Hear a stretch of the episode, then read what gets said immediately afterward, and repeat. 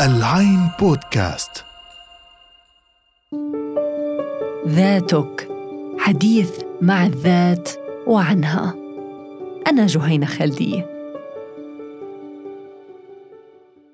بكرهن بكرهن بكرهن بكره كل شي بهالمكان وكل الولاد وكل اللي عم بتعلموا وكل اللي عم بتعلموا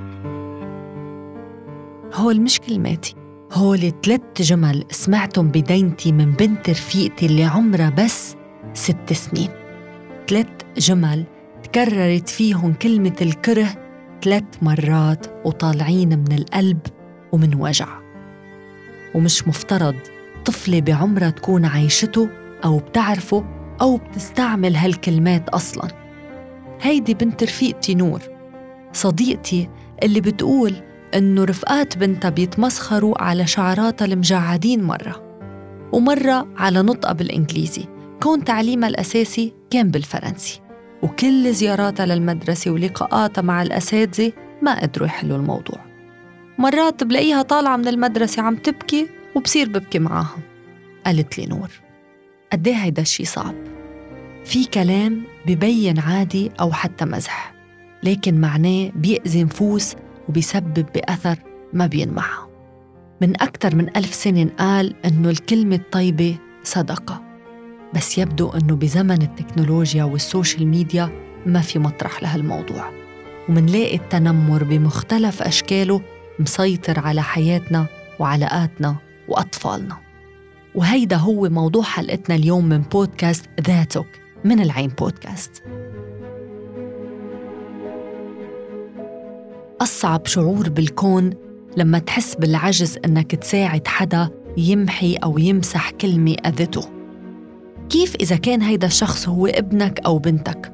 أطفال بريئين عم بينصب عليهم كلام بيجرح وبيعلم بشخصيتهم. من لما سمعت وشفت بنتها لنور عم بسأل حالي شو اللي بيخلي هول الأطفال إنه يكونوا هيك؟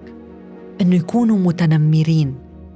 هل المشكلة ببدايتها من أهلهم من المدرسة أو من ال social media. تنمر صار ظاهرة كتير حاضرة بمجتمعاتنا وخاصة بين الأعمار الصغيرة اللي ثقتها بنفسها ما تكونت لتقدر تواجه هالكلمات أو بالأصح معانيها. والمشكلة الأكبر إنه المبررات دايما جاهزة من المتنمرين لأنه أصلا ما بحسوا إنه عم بيعملوا شي غلط ولأنه نسوا إنه الكلمات مرات بتكون مثل رصاص وبتخلي أصحاب النفوس البريئة أو الضعيفة يكرهوا حالهم ويصدقوا عن جد إنه في شي غلط لدرجة أحياناً بحسوا إنه هاي الحياة ما بتستحق إنه تنعاش. وسمعنا وبنسمع كتير عن حالات انتحار سببها الأساسي هو التعرض للتنمر. وبزمن التكنولوجيا وال social media هيدي الظاهرة استفحلت لدرجة صار صعب السيطرة عليها. لأنه التكنولوجيا شالت عنصر المواجهة من المعادلة وهيدا كان الشيء الوحيد اللي ممكن يمنع متنمر أنه يطلق سمومه. واليوم صار كل متنمر بيتخبى ورا الشاشة وبيطلق رصاصاته من حروف ال keyboard أو من التليفون من على بعد آلاف الأميال. اليونيسف عملت إحصائية بأكثر من 30 دولة لقوا فيها أنه تقريباً ثلث عدد المراهقين والشباب بالشريحة العمرية من 13 ل 24 سنة تعرضوا للتنمر وتحديداً الإلكتروني. و20% منهم تخلفوا عن دروسهم وجامعاتهم بالأيام التالية لتعرضهم للتنمر بسبب تأثيره على اللي قروه أو سمعوه على نفسيتهم. ولهيك هيدي الظاهرة بالتحديد صار اسمها cyber bullying أو التنمر الإلكتروني. واليوم رح نحكي عن هالظاهرة بكلام بتمنى أنه يوصلكن كل معانيه.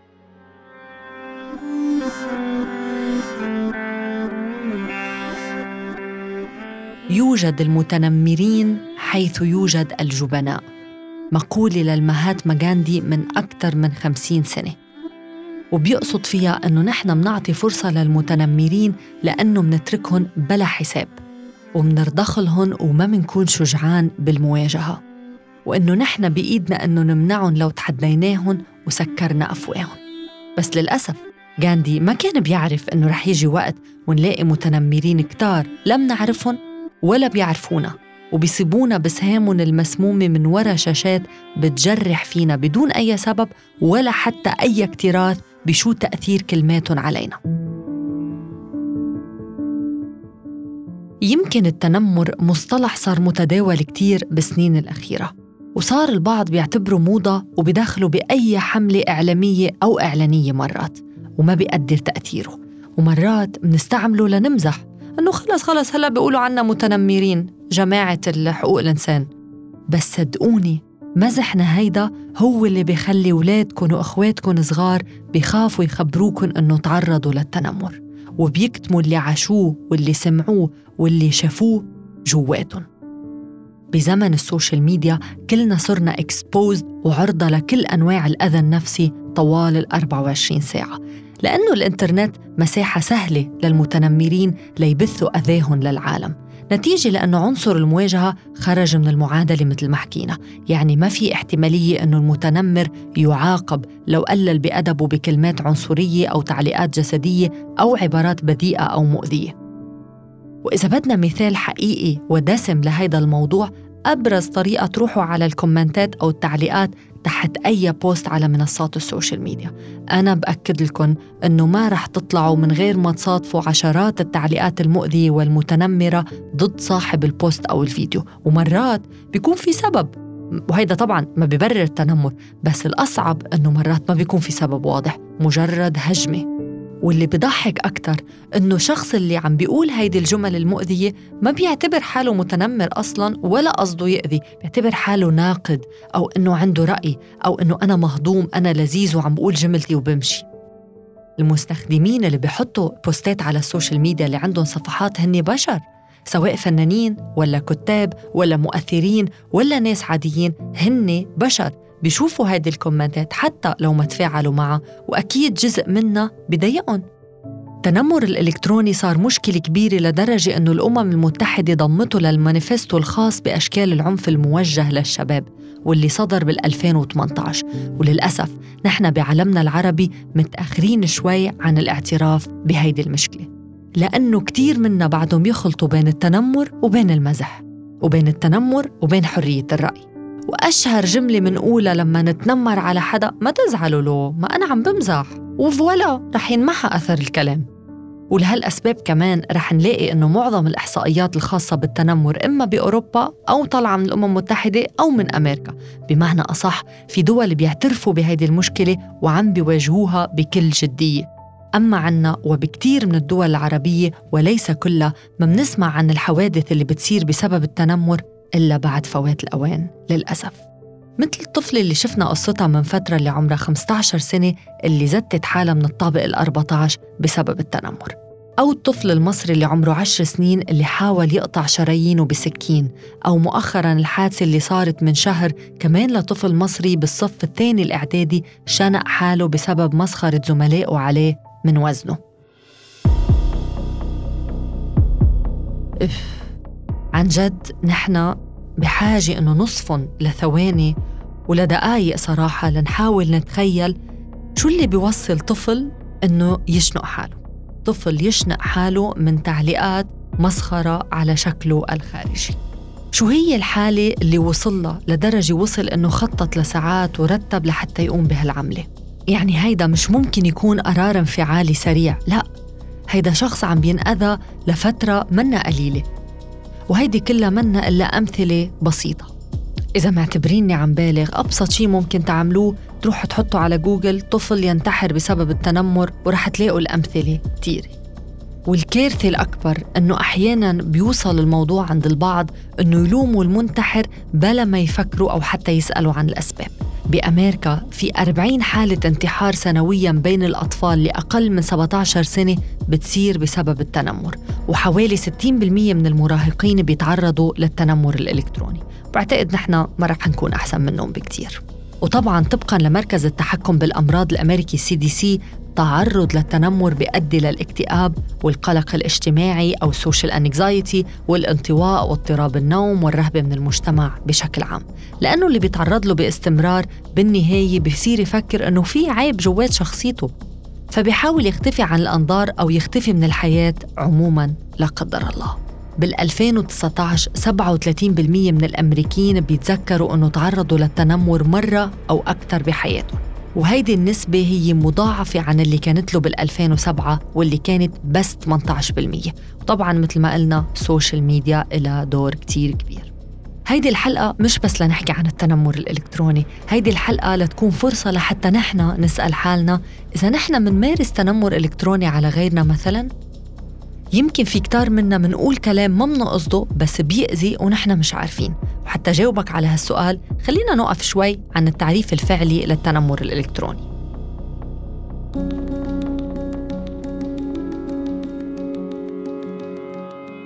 حسب تعريف اليونيسف التنمر الإلكتروني هو تنمر باستخدام التقنيات الرقمية سواء من خلال تكست أو صورة على وسائل التواصل الاجتماعي أو منصات المراسلة ومنصات الألعاب والهواتف المحمولة والموبايل وغيرها وبيظهر كسلوك متكرر بيكون هدفه أنه يخوف أو يستفز المستهدفين فيه أو حتى تشويه سمعتهم.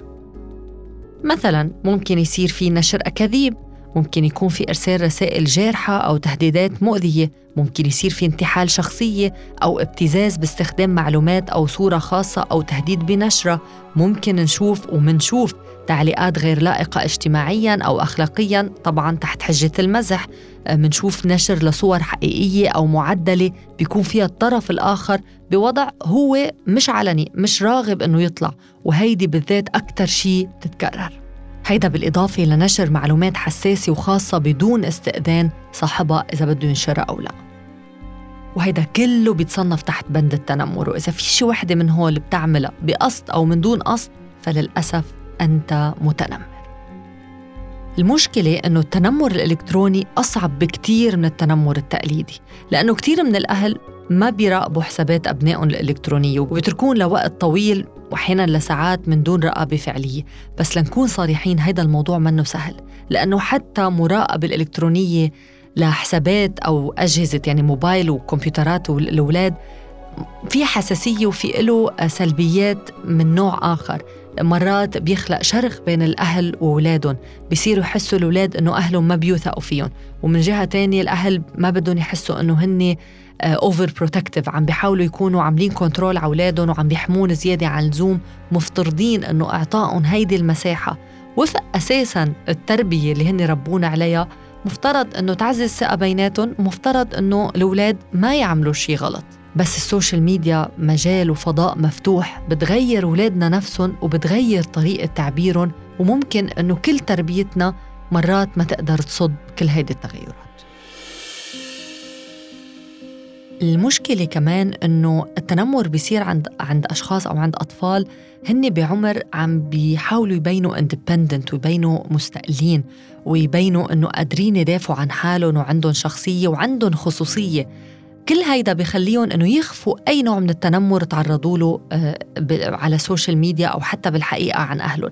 من واقع إنه هن آه، بيقدروا يحموا حالهم أو إنه هن ما بتجرحهم الكلمة أو إنه هن منهم أطفال وما رح يروحوا يلجأوا لأهلهم ليساعدوهم. ومرات بخافوا إنه حتى أهلهم يتهموهم أو الأكبر منهم إنه عم يتدلعوا إنه ولو هيدا تعليق على فيسبوك ومزحة ماما ما تعلق ما ترد ما ما توقف عندها. وإذا كان الموضوع متفاقم أكثر يعني صار في ابتزاز بأي شيء غير أخلاقي آه، أو آه، يعني ممكن يؤدي لفضيحة بصير الطفل أو الطفلة خايفة إنه تحكي لأهلها. بصيروا خايفين إنه أهلهم يحكموا عليهم إنه يعاقبوهم زيادة عن اللي هن فيه وإنه ما يعني الصورة تنتشر بشكل أكبر ويتعرضوا لابتزاز أكبر. الحقيقة اللي لازم يصير إنه لازم تتوسع مساحة الثقة وطريقة التفاهم والكوميونيكيشن والصراحة غير المشروطة بين الأطفال وأهلهم. الحكي النظري ببين سهل اللي بيمرقوا فيه الأطفال بأول سنين مراهقتهم أصعب من إنه يقدر مرات كلام إنه يوصفوا علشان هيك كتير في متخصصين بهيدا الموضوع بيقدروا يحاولوا يفكوا الموضوع عقدة عقدة وبيكون في تدريب للأهل قبل ما يكون في خطوات آه، للطفل لازم يعملها ليحمي حاله.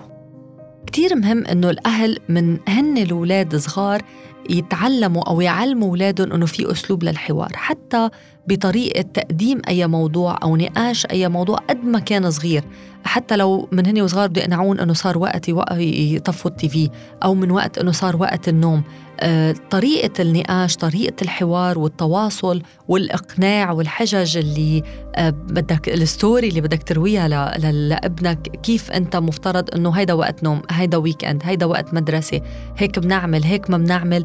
هيدا بغذي عندهم آه، مساحة أنه أنت فيك تحكي معهم. لاحقا أي شيء بيواجهوه رح يجي يقولوا لك أول شخص. أما إذا كنت من النوع اللي بيصرخ وبيطلب كل شيء بالإكراه والفرض ولا هيك لازم يصير ولأنه أنا بعرف ولأنه أنا الكبير ولأنه أنا الأهل رح يخلي الطفل عنده مساحة عنك. رح يخليك آخر شخص ممكن يلجأ له لما يصير عنده أي مشكلة.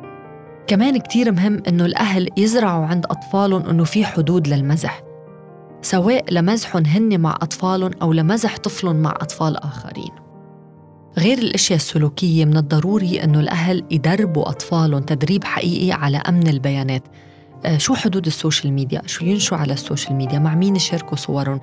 شو هي الجروبات اللي يكونوا فيها؟ حتى لو هيدا الشيء بين شوي تقيل بفترة. يعني بمعنى وكأنه الأهل عم يتدخلوا بالخصوصيات وكأنه الأطفال نفسهم ما رح يتقبلوا هيدا الشيء أنه جاي من أهلهم. فلازم تخلق طريقة يكون في شرح يمكن في مدارس بتدرب على هذا الشيء على أمن البيانات. آه، أيضا في تطبيقات كتير صارت بتقدر أنها تكشف التنمر. بيصير في مسح للصور أو الفيديوهات المتناقلة وبيتم تنبيه الطفل أو أهله أنه هيدي الصور منشورة بغير سياقها أو بخارج الإطار اللي مفروض تكون فيه. آه، الأهل عليهم مسؤولية فعلية أنه يراقبوا أولادهم حتى قبل ما يتدخلوا. مش بس يسألون عن علاماتهم ولا بس يسألون إذا أكلوا وشربوا. يعني لما بيسألون كيف كانت كيف كان نهارهم بالمدرسة أو لما يراقبوهم حتى يعني بس يجوا من المدرسة يسألون أسئلة تفصيلية يشوفوا حتى بالبيت إذا سلوكهم تغير إذا حكيهم إذا قل حكيهم إذا محبطين إذا متضايقين. ممكن ينسألوا إذا مضايقين من علامة معينة إذا تغير آه، أدائهم بالمدرسة ممكن يصير في تواصل مع المدرسة آه، جلسات خاصة مع مع أستاذهم الأساسي بشكل أنه الطفل إذا ما بدنا ندخله بخصوصياته وبحساباته على السوشيال ميديا على الأقل نراقبه عن كثب وبوعي ونتحرك عند أي علامة واضحة أنه طفلنا متغير علينا. ونحن عم نحكي شو اللي لازم ينعمل. ضروري جدا إنه نفكر أصلا. يمكن أنتم ما تكونوا أهل ضحية يعني ما تكونوا بس أهل اللي تم التنمر عليه. يمكن طفلكم يكون متنمر يمكن أنتم تكونوا متنمرين. بس لأنه عم نحكي أكثر عن الأطفال ضروري نسأل حالنا شو اللي خلق آه، فكره التنمر عند الطفل. كيف صار أنا طفلي متنمر؟ آه، كثير دراسات بتأكد بشكل أساسي أنه كل هيدي الأمور تطلع أساسا من البيت. أكيد في عوامل أخرى بتلعب دور. الأصدقاء again ال social media مرات الألعاب الإلكترونية اللي فيها عنف لكن بشكل أساسي التربية التنشئة البيت. هيدا لا يعني بشكل من الأشكال إنه عم نحمل الأهل كل المسؤولية لأنه الأهل بدورهم عندهم مشاغلهم عندهم مسؤولياتهم عندهم حياتهم اللي هي بجزء كبير منها مفترض تصب بالنهاية بصالح أطفالهم لكن في أمور ممكن تكون صارت سهوا عنهم آه، إهمال للطفل آه، تربية خاطئة آه، أدت أنه الطفل ما يكون عنده ثقة كبيرة بنفسه. ممكن البيت يكون في عنف أسري طفل غيور بطبعه. نموا عن طفلهم ثقة زايدة. يعني تخيلوا الثقة القليلة بتأثر والثقة الزايدة بتأثر لأنه بتخلي الطفل عنده غرور. بتخليه بعتبر حاله أهم وأشطر وأهضم وأذكى من رفقاته الباقيين وبالتالي بحق له يقول أي شيء حتى لو بيأذيهم. فهيدي بتعتبر من الأسباب الرئيسية اللي بتولد تنمر عند الطفل.